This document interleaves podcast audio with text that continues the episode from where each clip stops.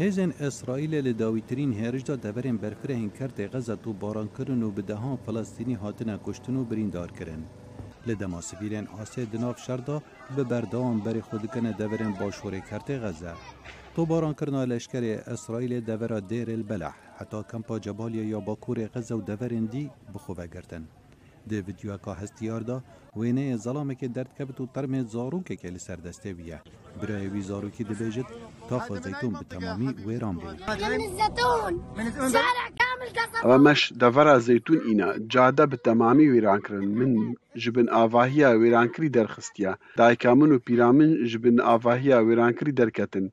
Û ev e birayê min e, navê wî Mihemed Xalid Şehatê ye.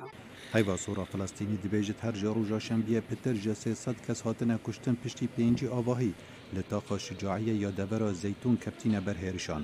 Leşkerê Îsraîlê ragihand ewa rêberê betalyoneka Hemas li wê deverê kuştin lê zanyariyên zêdetir nedan. Wizareta Sexlem ya Hemas bi rêved bi dijmara miriyan radigehînit lê nabêjit ka çend sivîl in û çend şervan in. Berpirsekî Wizareta Saxlemî ya Hema ji kar keftina nexweşxane Kadî ragihand.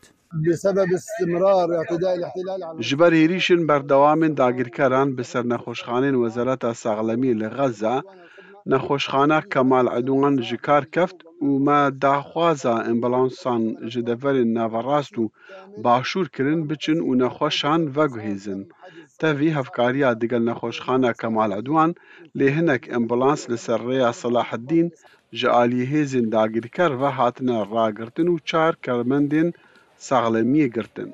Di mezindeka nû de Ofîsa Rêkxistina Karê Mirovan ya Netewên Yekgertî got yek point heşt milyon kes ku dikine nêzîkî heftê û pênc sedê ji rûniştvanan di nav Xezze de derbeder bûne û ev e pitir e ji hejmara berê ku yek point heft milyon kes bûn.